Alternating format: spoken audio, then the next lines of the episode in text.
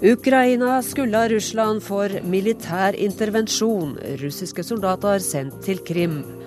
Tunisia omformer sin arabiske vår til lovfesta demokrati. Jordan viser hjerterom og skaper skoleplass for syriske flyktningebarn.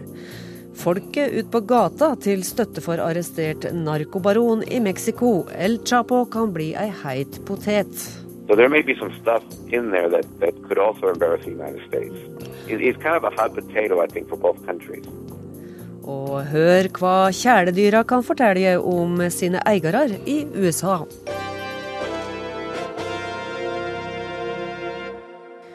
Dette er verda på lørdag.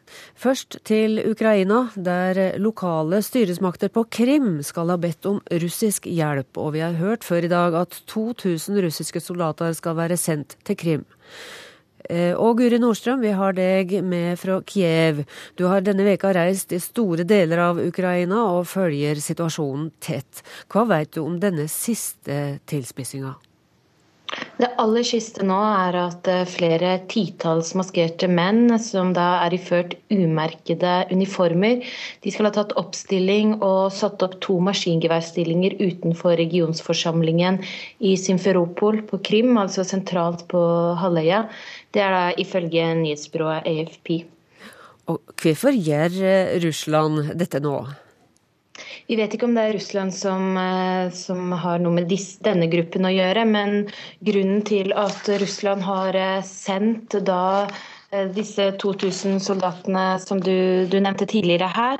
Det er jo, altså Deres argument for det er at de ser på dette som en avtale de allerede har med Ukraina, om at de har lov til å stasjonere militært personell på Krimhalvøya. Fordi Da Ukraina fikk sin uavhengighet i 1991, så var avtalen at Russland kunne beholde sin marinebase der frem til 2042. Men Ukraina ser jo dette naturlig nok helt uh, annerledes. og Det de mener uh, skjer, er jo at uh, Russland nå er i ferd med å ta, over, ta, kontrollen over halvøya. Og de sier dette gjør de da på samme måte som de har gjort med Abkhasia i Georgia tidligere. Mm. I går eh, så vi at den avsatte presidenten Viktor Janukovitsj framsto på ei pressekonferanse og eh, nokså sjølsikker. Eh, hva er reaksjonen der du er i Kiev, altså i Ukraina, eh, på eh, hans tale? Akkurat her i Kiev så er han jo veldig lite populær, så de rister stort sett eh, på hodet og har eh, ingen tro på at han vil komme tilbake. For dem så er han eh, helt politisk død. Men det ingen veit sikkert, er vel hva slags russisk støtte Janukovitsj måtte ha nå i denne situasjonen?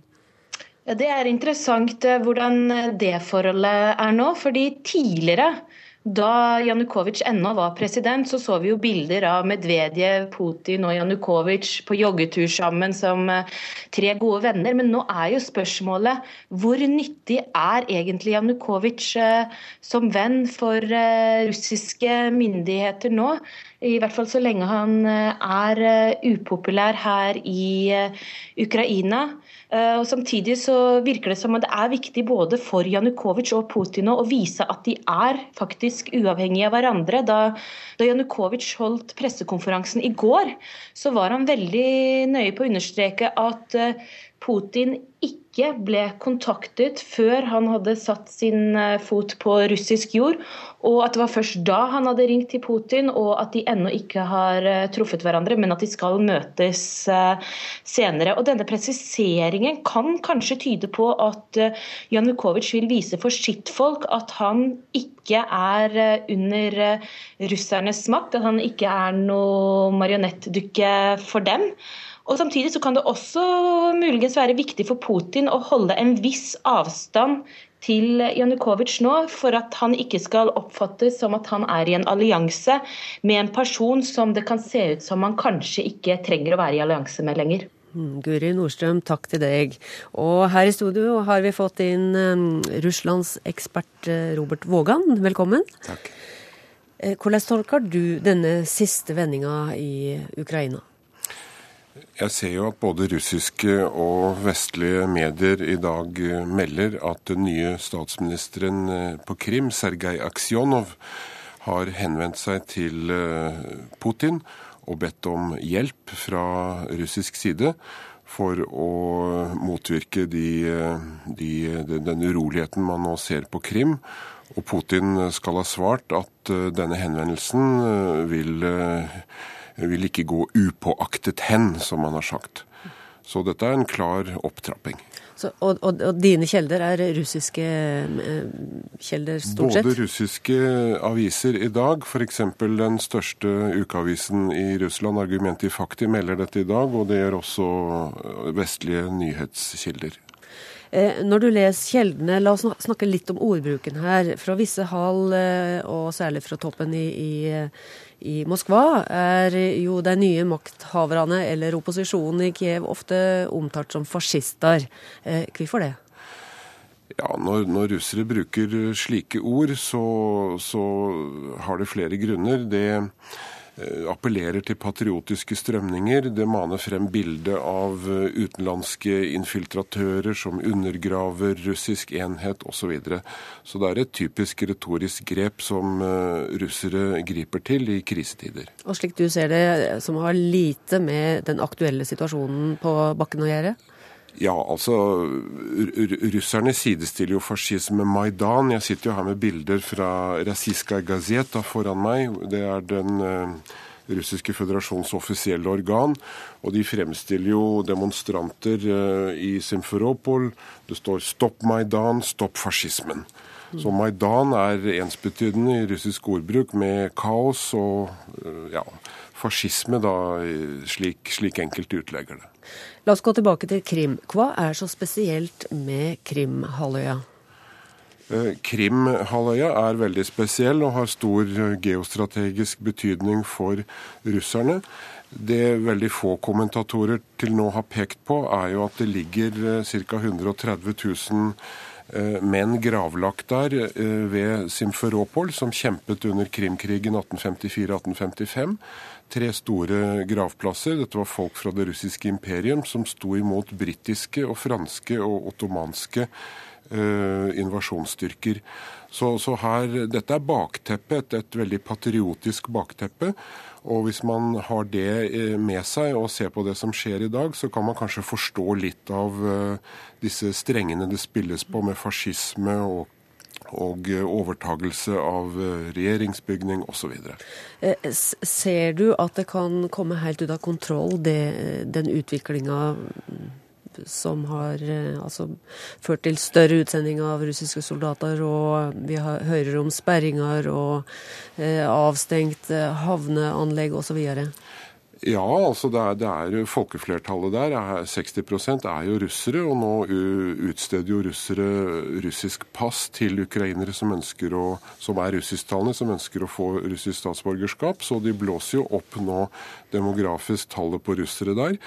Har, Den nye statsministeren, Aksjonov, har henvendt seg til Russland om hjelp. Denne avtalen om marinebasen, som skal gå frem til 2042, er veldig viktig. Eh, Bl.a. blokkerer den for at Ukraina kan bli med i Nato. Fordi ifølge Nato-traktaten så kan jo ikke et land bli medlem hvis det har fremmede, fremmede styrker eh, på sin jord. Eh, så, så det, er, det, er, ganske viktig for Russland å gjøre, gjøre hevd på, på, Krim. Så får vi se hva denne siste opptrappinga fører til. Takk til deg, Robert, Robert Vågan. Og vi skal over til Tunisia. Der den såkalte arabiske våren starta med eh, en fattig grønnsakhandler som setter fyr på seg sjøl. Nå har landet skaffa seg en ny grunnlov, og det skal etter planen bli valg senere i år. Det islamistiske partiet Eneda ser ut til å samarbeide i demokratiseringa.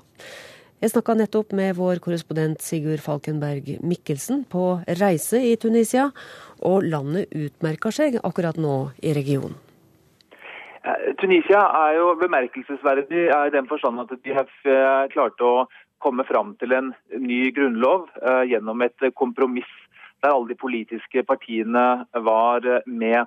Uh, de har jo ikke hatt denne splittelsen som vi har sett uh, i Egypt. ikke noen åpne borgerkriger slik vi har sett i, i Libya og særlig da i Syria. Det kom som et resultat av flere ting. Men den er en, det er en grunnlov som er, ligger veldig langt framme i den arabiske verden. Det er en grunnlov hvor f.eks. likestilling mellom menn og kvinner er nedfelt. Det er også frihet, trosfrihet nedfelt. Og dette har vært lange og dype samtaler og konflikter internt i Tunisia, men de har altså klart å komme fram til et kompromiss. Riktignok med en, mange tvetydige artikler, men det gjør at Tunisia skiller seg ganske radikalt fra resten av den arabiske verden. Og Likevel var det jo i Tunisia alt starta? Ja, det var det. Og det er også noe av det Jeg snakket med en del politikere i går, og de var veldig opptatt av den rollen og følte at de hadde et visst ansvar for å vise eh, at det var mulig å komme fram til noe, eh, gitt den eh, relativt triste situasjonen i resten av området. Og det er klart at Særlig for islamistpartiene i Enada så har det som har skjedd i Egypt vært en vekker. Og også den folkelige motstanden som etter hvert har bygd seg opp rundt Eh, noe av deres eh, maktutøvelse eh, etter at de vant valgene her. Det pluss situasjonen i nabolandet Algerie har også, og den historiske arven fra borgerkrigen der har gjort at det har vært mange, mange dempende faktorer. Og etter, en, etter, hvert en forståelse av at de måtte komme fram til et, til et kompromiss. Vi husker jo den fattige grønnsakhandleren. Hva har skjedd med de eiendomsløse sine krav? Ja, Det er, det er jo den, eh, den uh, negative siden her. De har ikke klart å få i gang eh, økonomien. og Mange av de jeg snakker med her er bekymret for det. De klarer ikke å få til økonomisk vekst som tar unna for den store ungdomsarbeidsledigheten f.eks. Sånn at der har de nye politiske myndighetene en stor oppgave. Eh, og Der merker, merker, man også en viss sånn politikertretthet her. Eh, det er ikke så mye entusiasme igjen som det var i uh, begynnelsen. Men samtidig så har de klart å holde, holde, økonomien noenlunde flytende i en veldig vanskelig situasjon. og Det, det gir jo uh, mulighet, muligheter framover hvis de klarer å få til et stabilt politisk system. Nå skal det altså bli en ny grunnlov, det skal bli nyvalg i dette året. Er det også behov for et rettsoppgjør? Ja, der, der, ligger det også en, en, en, spenning her. Eh, I hvilken grad folk fra det gamle regimet kan eh, delta. Eh, det diskuteres f.eks. i valglovene som, som, nå diskuteres. Jeg var på et møte i, i nasjonalforsamlingen hvor, hvor, dette var oppe i, tidligere i uken. Og det er klart at det er en del som på den kritiske siden her som hevder at det er mange, det er altfor mange fra det gamle regimet som nå får lov til å, å, å reintegreres i samfunnet. Sånn at Der ligger det et, en utfordring. Og så har de en stor sikkerhetsutfordring med knyttet til ytterliggående islamister. Og mange da som kommer tilbake også fra Syria, hvor de har vært og slåss mot Bashar al-Assads regime. Og som kommer tilbake til Tunis nå, eh, kombinert da med den ustabiliteten som særlig, eh, særlig eh, er i nabolandet Libya. Så de har en betydelig sikkerhetsutfordring framover også. Mm. Og Hvor stor er denne bekymringa for islamisering, altså politisering i retning ekstremistisk utvikling? Nei, det, er, i hvert fall den sikkerhetsutfordringen her. Den, den, er, den, er, helt tydelig. Og det, og det, har jo vært flere angrep på sikkerhetsstyrkene. Eh, og folk er helt åpne her eh, på at de har en eh, betydelig, betydelig utfordring knyttet til akkurat denne, denne situasjonen. Og nå har Enada, det islamistpartiet, gått inn i den politiske, i den politiske systemet på en annen måte enn vi f.eks. ser i Egypt. Så der, der, ligger det jo en, der ligger en inkluderende politisk prosess. Men det er også blitt vedtatt i Grunnloven f.eks. For et eh, forbud eh, mot det som kalles altså, takfir-paragrafen, som er en direkte myntet på mange av disse salafistene. Fordi de bruker ofte dette med å bannlyse andre muslimer som de mener ikke representerer den riktige retningen innenfor islam, og som kan lede til dødsstraff. Og det er jo også mange som er på såkalte dødslister hos disse salafistene. Så der, der, der ligger det en, en, en, en utfordring i, i, tiden som kommer framover. Og tror du Tunisia tar mål av seg til å bli et slags mønsterland til inspirasjon for andre i regionen? Ja, her er det mange som håper og tror det. Uh, og særlig da etter den euforien som fulgte etter at de fikk på plass en uh, grunnlov. Uh, og det er klart at Dette er jo et, et, et på mange måter et eksempel til etterfølgelse. men Tunisia er fortsatt et land et godt stykke fra sentrum av Midtøsten og relativt, et relativt lite land på mer enn 10 millioner innbyggere. Sånn Det hadde ville vært noe annet hvis Egypt hadde klart for eksempel, å få til noe av det samme. Men det er likevel et, et positivt tegn Eh, i Midtøsten i dag. Mm. Takk til deg, eh, Sigurd Falkenberg Mikkelsen.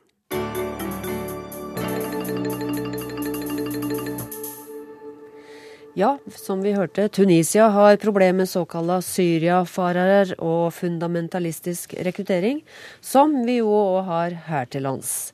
Eh, slik sett er vi i Norge en del av en global trend. Islamismen ser ut til å lokke til seg stadig flere i mange land. Og vi har fått med oss her i studio eh, Lars Gule. Du forsker bl.a. på dette.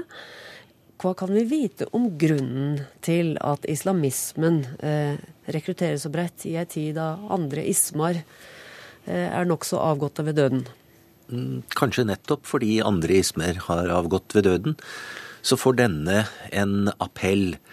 Eh, er, det er en ideologi som eh, vi fra utsiden ser at har klare, undertrykkende, totalitære trekk. Men det er slik med alle totalitære ideologier at de også har en positiv appell. Det er ikke slik at nazismen f.eks. var noe man slutta seg til av pur ondskap. Det var jo fordi man så noe positivt i denne ideologien. Den ble presentert som eh, framsynt, eh, mulighet til å gi sikkerhet eh, for folk, eh, tilhørighet, identitet osv. På samme måten med eh, islamismen.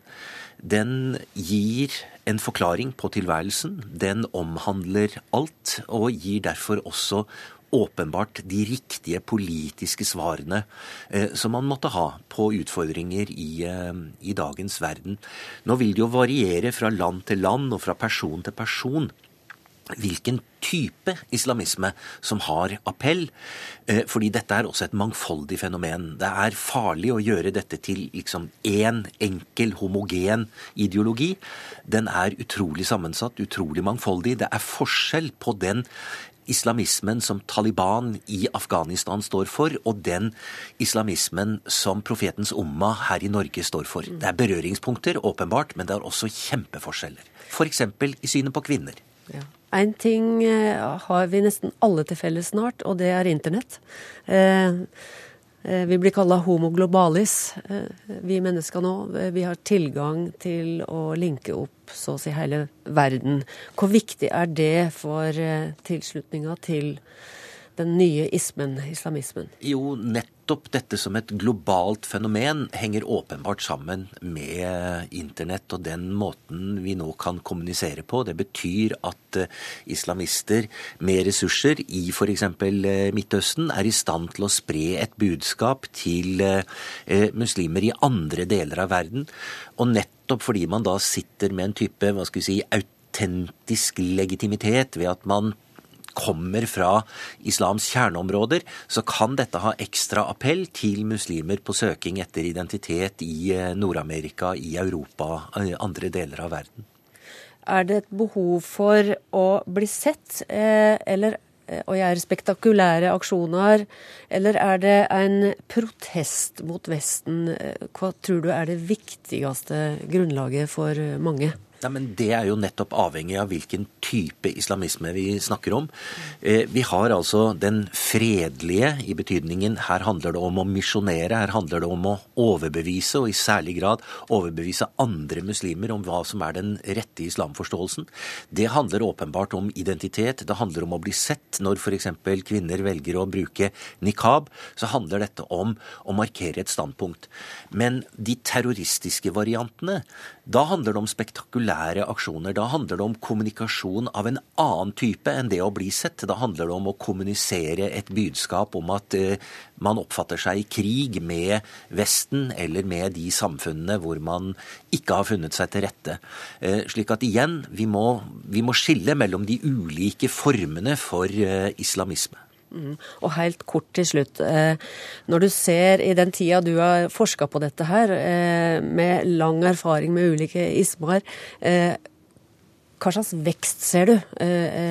Er det ei drastisk auke i oppslutninga om islamismen, eller kan en si noe om det i det hele tatt? Ja, vi kan vel si noe, men foreløpig vil jeg vel si at dette er mer inntrykksbasert. Jeg har i hvert fall ikke kjennskap til solid forskning, meningsmålinger, som sier noe om dette. Men inntrykket er at eh, vi har en vekst, og kanskje særlig da i de ekstreme eh, gruppene.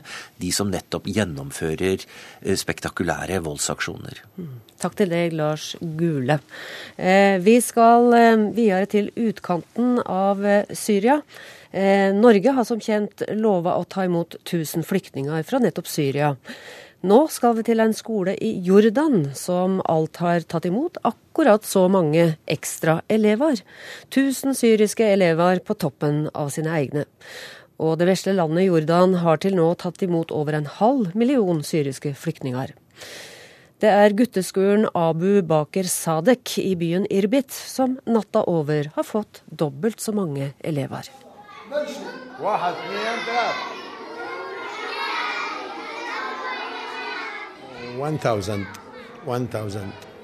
1000 jordanske elever om morgenen.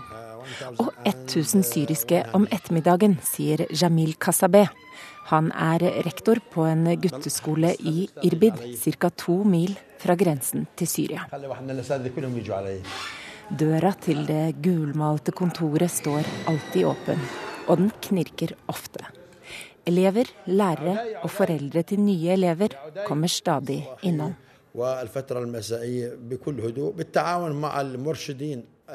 Jeg jobber dobbelt så mye som før, og dagene blir dobbelt så lange. Men det går fint, med god støtte fra mine medarbeidere, sier rektor. Flere jobber doble skift, pluss at skolen også har ansatt noen ekstra lærere.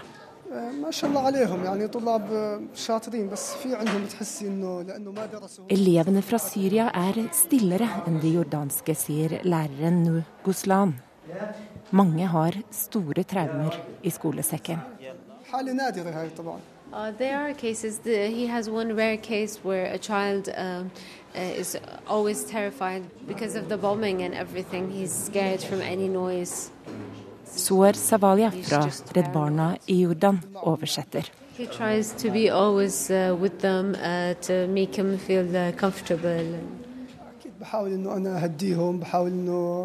Jeg prøver å se alle elevene og deres behov, både de som trenger mye trøst, og de som trenger mye hjelp til å hente seg inn faglig.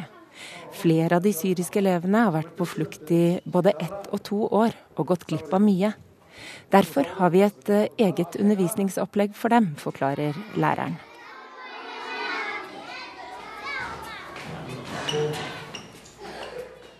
I am uh, Ala from uh, Safe Jordan. I come uh, to talk with you about education. About jeg banker på døra og sier salam aleikum, jeg er Allah fra Redd Barna. Jeg vil gjerne snakke med dere om utdanning. Det er viktig og vi kan hjelpe. Redd Barnas folk går fra dør til dør til de mange syriske familiene som har flyktet til byen. Uh, Noen av familiene er redde for å åpne døren, redde for fremmede. Og for mange er ikke utdanning første prioritet. De er mest opptatt av å komme seg i sikkerhet, skaffe seg husly og mat, sier Suar Savalia. Um, Redd Barna har likevel klart å overbevise mer enn 10 000 syriske foreldre i Irbid om at det nettopp nå er viktigere enn noensinne å sende barna deres på skole.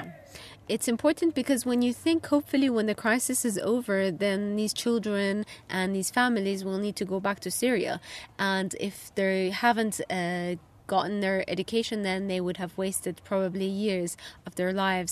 Um, they need to make use of this time uh, so that when they go back to Syria, they have the education and the methods and the know how to build and rebuild Syria. مرحبا مرحبا مرحبا أنا حابة إنهم يتعلموا طبعا الدراسة سلاح لهم للبنت أكثر من الولد كمان Ja, jeg syns det er viktig at barna mine får utdanning. Spesielt jentene, sier Om Abdallah, som er mor til to gutter og tre jenter. Et sort slør dekker ansiktet, hodet og hele kroppen. Bare øynene er synlige.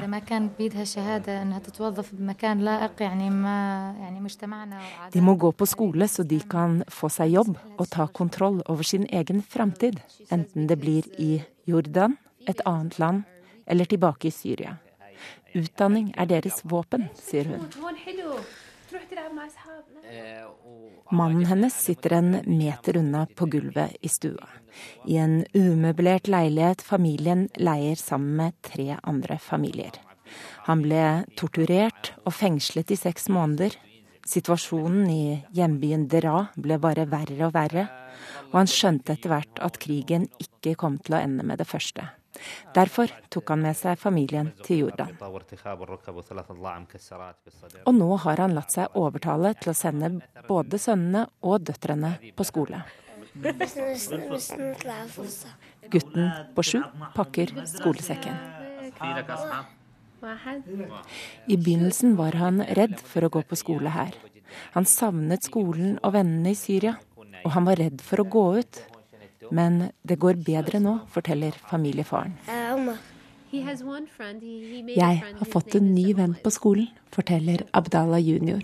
og smiler forsiktig.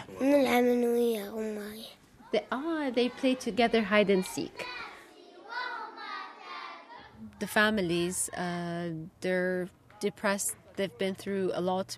Um, so it's good for the children to get out of that environment and try to meet new uh, children, to the, meet the, the school teachers. The Skolen er ikke bare viktig med tanke på fremtiden, sier Suar Savalia.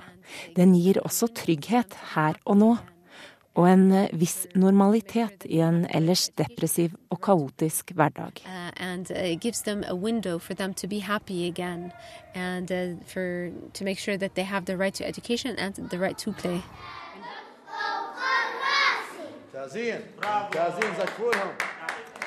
Og det var reporter Nina Bull Jørgensen som hadde vært i Jordan. Vi skal holde oss i området, for mens de innestengte i Homs gamle bydel kom seg ut for ei veke siden, var en annen transport på vei inn i byen. Jesuittpresten Gassan fra Homs hadde fått oppfylt et ønske. Og nå sto gava fra Norge bak på et lasteplan. Kollega Tom Christiansen forteller historia. Fader Gassan var i Oslo rundt juletider. Han gikk rundt og studerte julegater og juletrær. Her var folk som hadde varme hus og trygge barn. Han var her for å fortelle om sitt arbeid i den herjede, utbombede hjembyen. Det var ingen ufarlig virksomhet. Fader Ghazam samler barn av alevittiske og sunnimuslimske foreldre for å la dem leke sammen. Han mener de først og fremst er unger, dernest barn av muslimske foreldre med ulik tilhørighet. Andre patere er blitt tatt til fange og har forsvunnet for lignende arbeid. I Oslo traff han Erik Hillestad, lederen for Kirkelig kulturverksted. Han ble betatt av paterens mot og visjon, så han spurte Pater Gassam, er det noe jeg kan hjelpe deg med? Hva trenger du mest? Trenger mest, for et spørsmål. På netthinnen for bilder av frysende unger, utbombede hus, naboer uten vann og mat og medisiner og julegaver. Hva han trengte mest? Jo, det var én ting. Eh, jeg trenger et piano. Et piano til Homs, ja, men det skal vi få til. Erik Hillestad skrev til plateselskapets mange venner og tagg penger til et klaver. Det tok ikke mange dagene før de hadde nok. Så dro Hillestad til Beirut for å treffe fader Gassan, og så skulle de kjøpe piano. De fant et veldig bra instrument hos pianohandler Kalenderian. Han er armener og selger klaverer til den som trenger musikk. Gassan måtte bare prøve.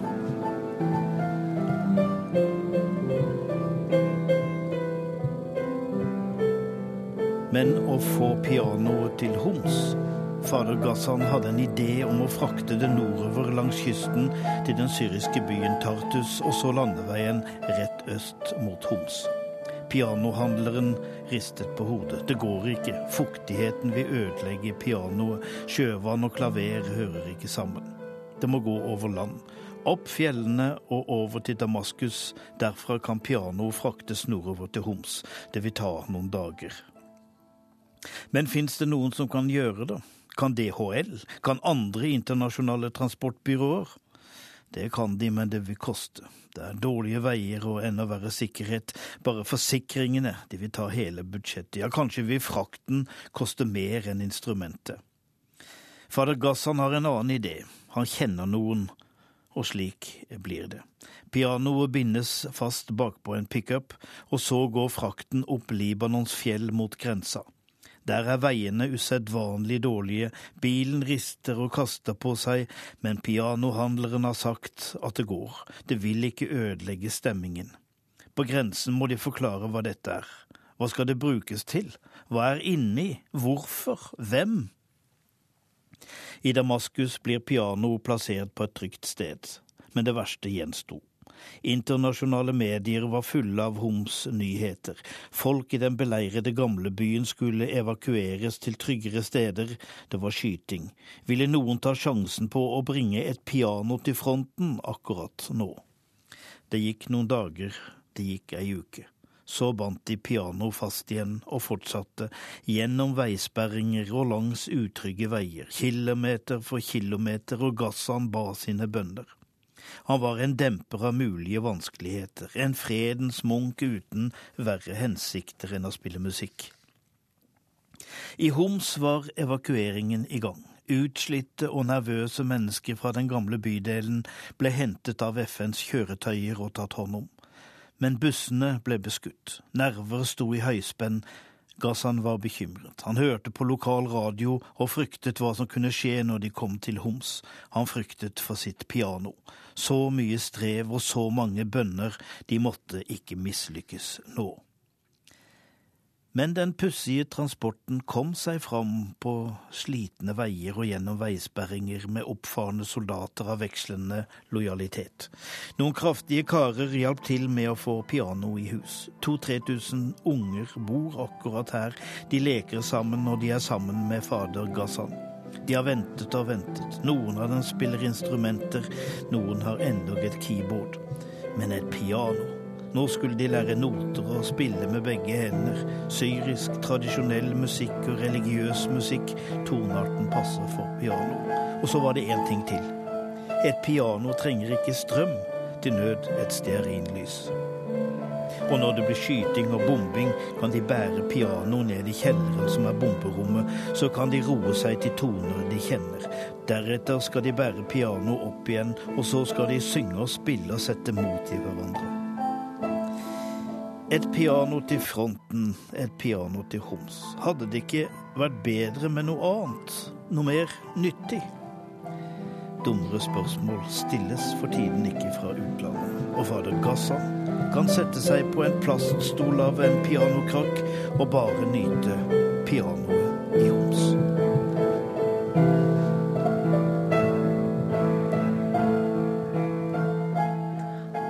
bortsett fra én svart tangent, fungerer pianoet i Homs perfekt, har vi fått vite i dag. Over til Mexico. Der gikk 2000 mennesker i denne veka i demonstrasjonstog for å få sett fri en av verdens største narkobaroner, El Chapote. El Chapote er sjef for det berykta Sinaloa-kartellet og blei arrestert sist lørdag. Men i heimstaten Sinaloa er El Chapo dyrka som en helt.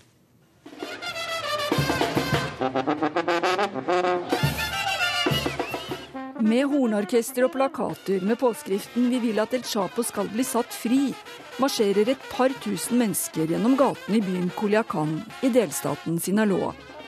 Dette er hjemtraktene til verdens største narkobaron, El Chapo, eller Joaquin Guzman som han egentlig heter. Guzman leder det beryktede Sinaloa-kartellet, som har smuglet tonnevis av kokain, metamfetamin og marihuana til USA og rundt 50 land i Europa og Asia. Dette har gjort ham til en av Mexicos rikeste menn, og mytene om mannen er mange. I hjembyen ses han på som en helt.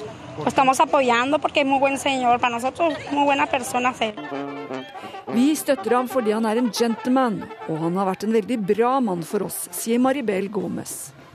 El Chapo er selv sønn av en marihuanabonde, og i dette området er det mange som får sine inntekter fra narkotikaindustrien og El Chapo har som kongen av Sinaloa-kartellet skapt mange nye arbeidsplasser som del av sin kriminelle virksomhet.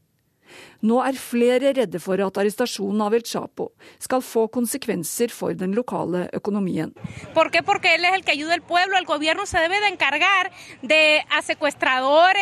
Vi støtter Guzman fordi han hjelper folk, sier en annen kvinne, Lorena Figueroa. Myndighetene må ta seg av dem som kidnapper folk, ikke dem som hjelper folk, sier hun.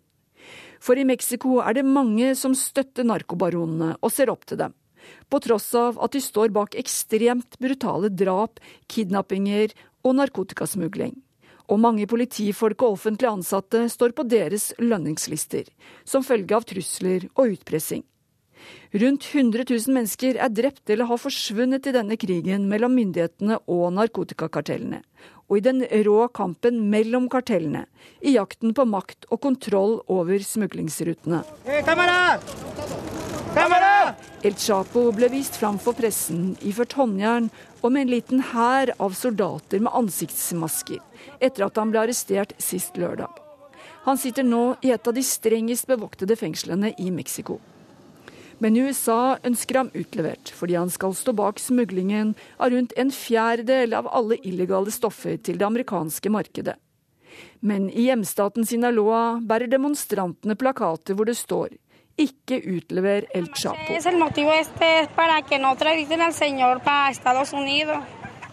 Hele motivet for denne demonstrasjonen er at vi ikke vil at en gentleman som El Chapo skal bli utlevert til USA, sier Maribel Gomez. Og reporter her var Inger-Marit Kolstad Bråten. En av de som kjenner best til kampen mot narkotikakartellene i Mexico, er den amerikanske journalisten Alfredo Corchado. Han er ikke overraska over at folk har tatt til gatene for å støtte den livsfarlige og mektige El Chapo. Well, of of, Chapo is. And also, it, it shows that uh, the situation in Mexico, especially when it comes to Chapo Guzman, is not El Chapo har blitt nesten en mytisk figur, for mange er han en slags helt, forteller Alfredo Corchado. El Chapo får respekt for at han, som har absolutt null utdanning, likevel klarte å bli en av verdens rikeste menn. Og han har hjulpet veldig mange andre ut av fattigdommen. Dermed har han altså blitt en slags Robin Hood-figur. Han har riktignok drept mange og står bak ei mengde andre drap. Men han har også gitt folk veier og satt i gang sosiale tiltak, bygd hus for folk. He's also responsible for helping them on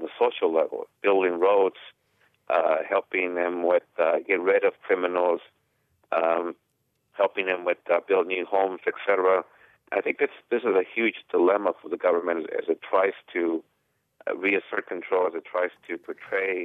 og dette er et stort dilemma for den meksikanske regjeringa. Et annet dilemma er at narkobaron El Chapo kan komme til å røpe hvem han har gitt penger til. Det kan være høytstående tjenestemenn både i Mexico og i USA. So there may be some stuff in there that, that could also embarrass the United States. Mm -hmm. It's kind of a hot potato, I think, for both countries. Han er ei heit potet akkurat nå, og styresmaktene i Mexico vil trolig avvente før de tenker på å utlevere han til USA, mener Alfredo Cochado. And, and how hot is he really? Could he also threaten the Mexican president? Uh, does his network go all the way to the top, do you think?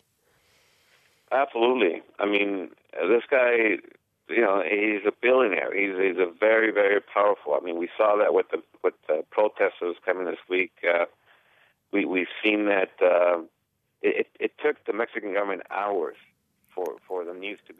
Ja, El Chapo og hans store nettverk kan også fort vise seg å svi både presidenten i Mexico og andre med han, sier journalisten Alfredo Corchado, som altså rapporterer fra landet der det er lite som er anten svart eller kvitt.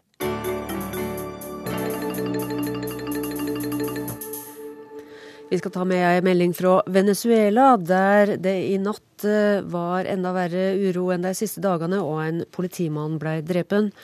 Med det er tallet på drepne nå kommet opp i 19 i denne siste valsbølja. Og det gikk hardt for seg med tåregass og regelrette gateslag i Caracas. Så til Brasil. Etter OL i Sotsji er fotball-VM der den neste store internasjonale idrettshendinga. Og forventninga om gull på heimebane er enorme blant 200 millioner brasilianere. En av grunnene er tragedien som skjedde sist landet arrangerte VM. Arnt Stefansen i Rio de Janeiro har historia.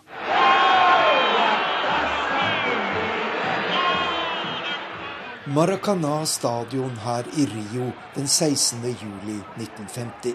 Nærmere 200 000 mennesker har pakket seg sammen på tribunene for å se VM-finalen mellom Brasil og Uruguay. Blant tilskuerne på Maracana denne dagen er den 20 år gamle Wilson Gomez Carneiro, i dag en 84 år gammel beboer i bydelen Copacabana. Havia uma euforia e eles, eles achavam que det var en eufori der alle tok det for gitt at Brasil ville vinne. Og stemningen på Maracana var ubeskrivelig. Da det brasilianske laget fikk det første målet, trodde jeg tribunene skulle ramle sammen, sier han. Men så snudde kampen, og Uruguay utlignet. Og elleve minutter før slutt skjer det utrolige. Uruguays raske spiss Alcides Gija dribler seg gjennom Brasil-forsvaret og skyter hardt fra spissvinkel like nede ved stolpen.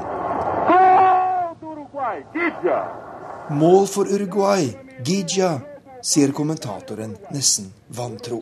Dermed ender kampen 2-1 for Uruguay, og en dødens stillhet senker seg over Rio de Janeiros kjempestadion.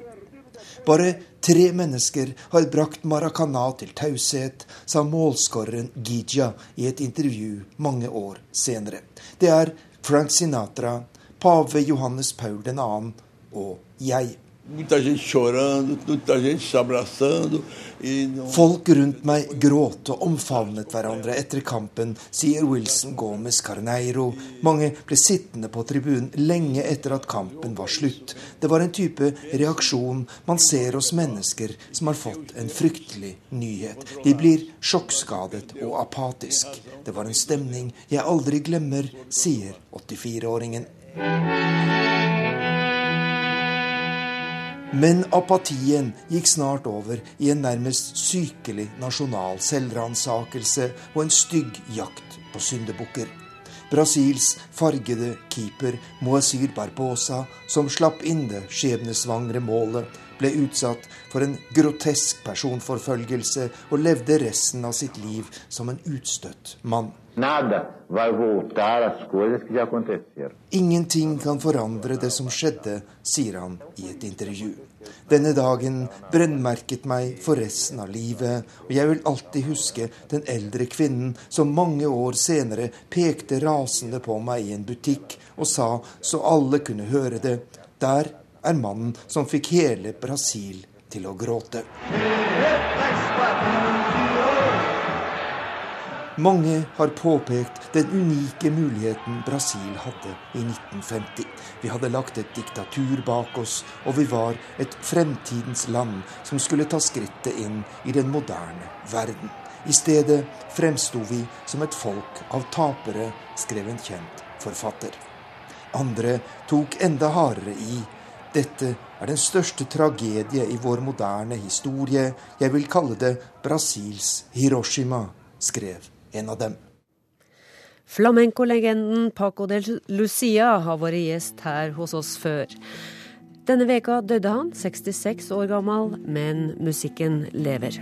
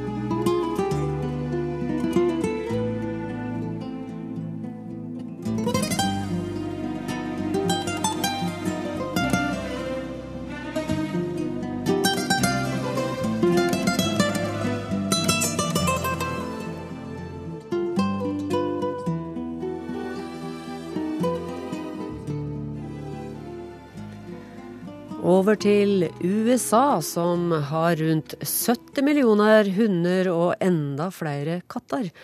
Mens hundene er godt synlige, blir kattene stort sett holdne innendørs, forteller USA-korrespondent Gro Holm i ukas brev, som handler mest om dyrekultur. Murphy er kjekk. Han er ikke høy og mørk, heller litt lav og mørk. Men til gjengjeld har han masse sjarm og krøllete hår. Han bare smyger seg innpå, og før du vet ordet av det, sitter han ved kjøkkenbordet ditt. Murphy har fire ben og sier nesten aldri voff han er naboens hund, og jeg kjenner Murphy mye bedre enn jeg kjenner naboen. Murphy kom nok opprinnelig for å hilse på vår hund, Nano. Men han var egentlig like opptatt av oss mennesker og det vi spiste der ved kjøkkenbordet. Etter hvert ble det nesten litt mye Murphy gjennom hekken uten gjerde, og naboen hadde overhodet ingen kustus på bikkja. Lærer de ikke elementær dressur her, tenkte jeg de første ukene i USA inntil jeg en solfylt søndagsmorgen plutselig befant meg inne i naboens stue, i slåbrok, på jakt etter egen hund som ikke ville høre på mitt hit. Angrep er beste forsvar, og jeg la smilende ut om hvor godt kjent Murphy var på vårt kjøkken. Etter det fikk Murphy nytt halsbånd av den elektriske typen som er forbudt i Norge, unntatt for profesjonelle saueavskrekkingsdressører. Murphy kommer ikke mer. Vi bor et par hundre meter fra en ganske stor park. Ved inngangen til parken står det et skilt om at hunder må holdes i bånd. Omtrent akkurat der pleier alle å løsne lenka. Akkurat vår park er nemlig kjent som et fristed for hunder og hundeeiere, en plass nesten urørt av parkpolitiet. En gang har jeg støtt på politiet. De sto godt synlige på parkeringsplassen like bak skiltet, akkurat passe slik at jeg lot Nano forbli i bånd noen ekstra meter. To menn med matpakker og pappkrus med kaffe koste seg i vintersola som slapp inn gjennom åpent bilvindu. Ikke snakk om å gå ut for å inspisere inn i parken. Det er ellers forunderlig hvor få fuglehunder jeg treffer på de daglige lufteturene. I Oslo og Bærum har jeg en høyst uvitenskapelig følelse av at annenhver hund er setter eller forste. Selv har jeg en forste. Her møter jeg nesten aldri fuglehunder, om en da ikke skal regne labradudlene som fuglehund, glade i ender som de er. Labradoodle er en blanding av golden labrador og puddel, og er ustyrtelig populær i min forstad, Betesta. Jeg har dessuten spurt alle setter- og forstedeiere på min vei om hundene deres brukes på jakt. Ikke én har svart ja. Hjemme i Norge ville mange eiere, herunder undertegnede, ha følt behov for å unnskylde seg for at bikkja ikke har fått utløp for sitt naturlige jaktinstinkt. Mange norske oppdrettere vil helst ikke selge fuglehunder til folk som ikke har tenkt å jakte, og dessuten får bikkja premiert for sine jaktevner. Hundeeiere er stort sett hyggelige å prate med. Amerikanske hundeeiere er dessuten veldig flinke til å gi komplimenter til hunden. Jeg har lært, og jeg ser hvor stor gleden er når jeg roser bikkja til en tilfeldig forbipasserende, og dem er det gjerne en 30 stykker av i løpet av tre luftinger per dag. Den store snakkisen i flere måneder nå har vært Havok. Havok ble borte for eieren en solfylt søndag i oktober, og jeg møtte ham, altså eieren, like etter at det hadde skjedd. Jeg tenkte ja ja, den er nok tilbake i løpet av kvelden. Men nei. Havok er fortsatt borte, men ikke glemt. For med 100 meters mellomrom står det A4-oppslag med bilde av Havok og teksten 'Help, I am lost', jeg har gått meg vill, i en omkrets på rundt 10 kilometer. En dag like før jul blir jeg kjørende bak en bil i en rundkjøring i sentrum av DC med store savnet-plakater og bilde av Havok klistret på alle dørene. Det ryktes at han har vært observert i vår park, men ingen er helt sikre, de har bare hørt av noen. En kveld i skumringen traff jeg på en eldre dame langt utenfor stien. Jeg var på tur med min Nano for å gå litt utenfor asfaltløypene. Men damen, hun lette etter havok. Er du i slekt med eieren, spurte jeg. Nei, nei, men hun klarte ikke å sove skikkelig fordi hun tenkte på hvor sulten og hvor redd havok måtte være nå. Hadde jeg sett ham? Nei. Men jeg er nok en av mange som har dagdrømt om å være redningskvinnen, den som kan slå telefonnummeret på plakaten og si 'Han er her. Jeg har ham i bånd'. Folk her jeg bor er generelt veldig kostholdsbevisste, også på hundens vegne. Det er mye kaffe uten koffein for menneskene, og det er mye frykt for hva som kan skje om bikkja får i seg noe den ikke skal. Mange lar ikke hunden drikke elvevann i parken eller bade i elva fordi den kan få i seg forurenset vann. En litt grå dag da jeg sto bøyd med en pose over en uvanlig stor og utflytende ladning hundebæsj, kom en vennligsinnet dame forbi og innledet en samtale. Jeg fant det da naturlig å forklare at Nano hadde diaré fordi han hadde fortært en halv kilo konfekt gjenglemt på en kommode etter en fest. Damen gikk over i fistel. Hadde han vært hos veterinær? Han kom til å dø. Hunder tåler jo ikke sjokolade, visste jeg ikke det? Vel, jeg holdt jo akkurat på med etterlatenskapene, men han levde jo, og det verste var nok over. Dessuten var det ikke første gang han stjal sjokolade. Damen og jeg ble enige om å være uenige, og Nano overlevde. Nok om hunder, nå vil jeg si litt om katter her i USA. Men det blir mer katter rent teoretisk, for jeg har egentlig ikke truffet et eneste eksemplar. Merkelig egentlig, for ifølge den amerikanske veterinærforeningen fantes det i 2012 74 millioner og 59 000 katter i USA. Tre av ti husholdninger har katt men langt de fleste er innekatter. Det må være redselen for å bli dratt for retten fordi katta har tisset i naboens hagemøbler, eller ødelegger nattesøvnen med å pare seg utenfor naboens vindu, var min første innskytelse. Etter mye spørring og ganske mye googling har jeg kommet til at det finnes flere forklaringer på at katter stort sett holdes innendørs. For det første er det farlig å være utekatt i USA. Det er mange som vil dem vondt, og nå snakker vi ren ondskap eller grådighet. Det finnes nemlig bander som driver organisert innsamling av katter og hunder, som så selger dem til laboratorier som driver eksperimenter med dyr. I Sør-Dakota ble en pelshandler tatt for å selge bearbeidede katteskinn. Katter brennes med sigaretter, brukes som blink i pilspill og skytekonkurranser. De henges, halshugges og kuttes opp. Utekatter blir matet med rottegift, satt fyr på med parafin og flådd levende. Det skjer altså i en målestokk som gjør at dyrevernorganisasjoner anbefaler folk å holde kattene inne, trass i at mange katteraser egentlig er utekatter. Frykt for kattenes liv er altså én av forklaringene. Men så kommer en helt annet knyttet til kattens natur som rovdyr. Katter dreper opptil 3,7 milliarder fugler hvert år, sto det i en artikkel i avisa USA Today i fjor. Ikke bare det, katter dreper mellom 6,9 og 20,7 milliarder pattedyr hvert år, står det i artikkelen, som viser til en undersøkelse foretatt av The Smithsonian's Conservation Biology Institute. Det dreier seg om mus og kaniner. En egen organisasjon som kaller seg Kattens allierte, har lagt seg på en kompromisslinje og lansert en egen strategi som skal redusere mengden herreløse streifende katter. Fange, kastrer, returner-politikken har som mål å bringe så mange katter som mulig tilbake til sine eiere. Målet er også å få ned antall katter som blir utsatt for såkalte barmhjertighetsdrap i institusjoner for hjemløse dyr. Hvert år blir rundt fire millioner katter euthanized, eller barmhjertighetsdrept, fordi de ikke har noen eier eller er kommet bort fra hjemmet. Tallet stammer fra en av de tallrike private dyrevernorganisasjonene, denne med det talende navnet Ikke drep-senteret i Oakland. På en oppslagstavle i den før nevnte lokale parken står det et bilde av den savnede katten Robin. Hun vil nå være sulten og redd bare gi henne det hun vil ha av mat, står det på oppslaget. Vanligvis skal en jo ikke fòre andre folks husdyr.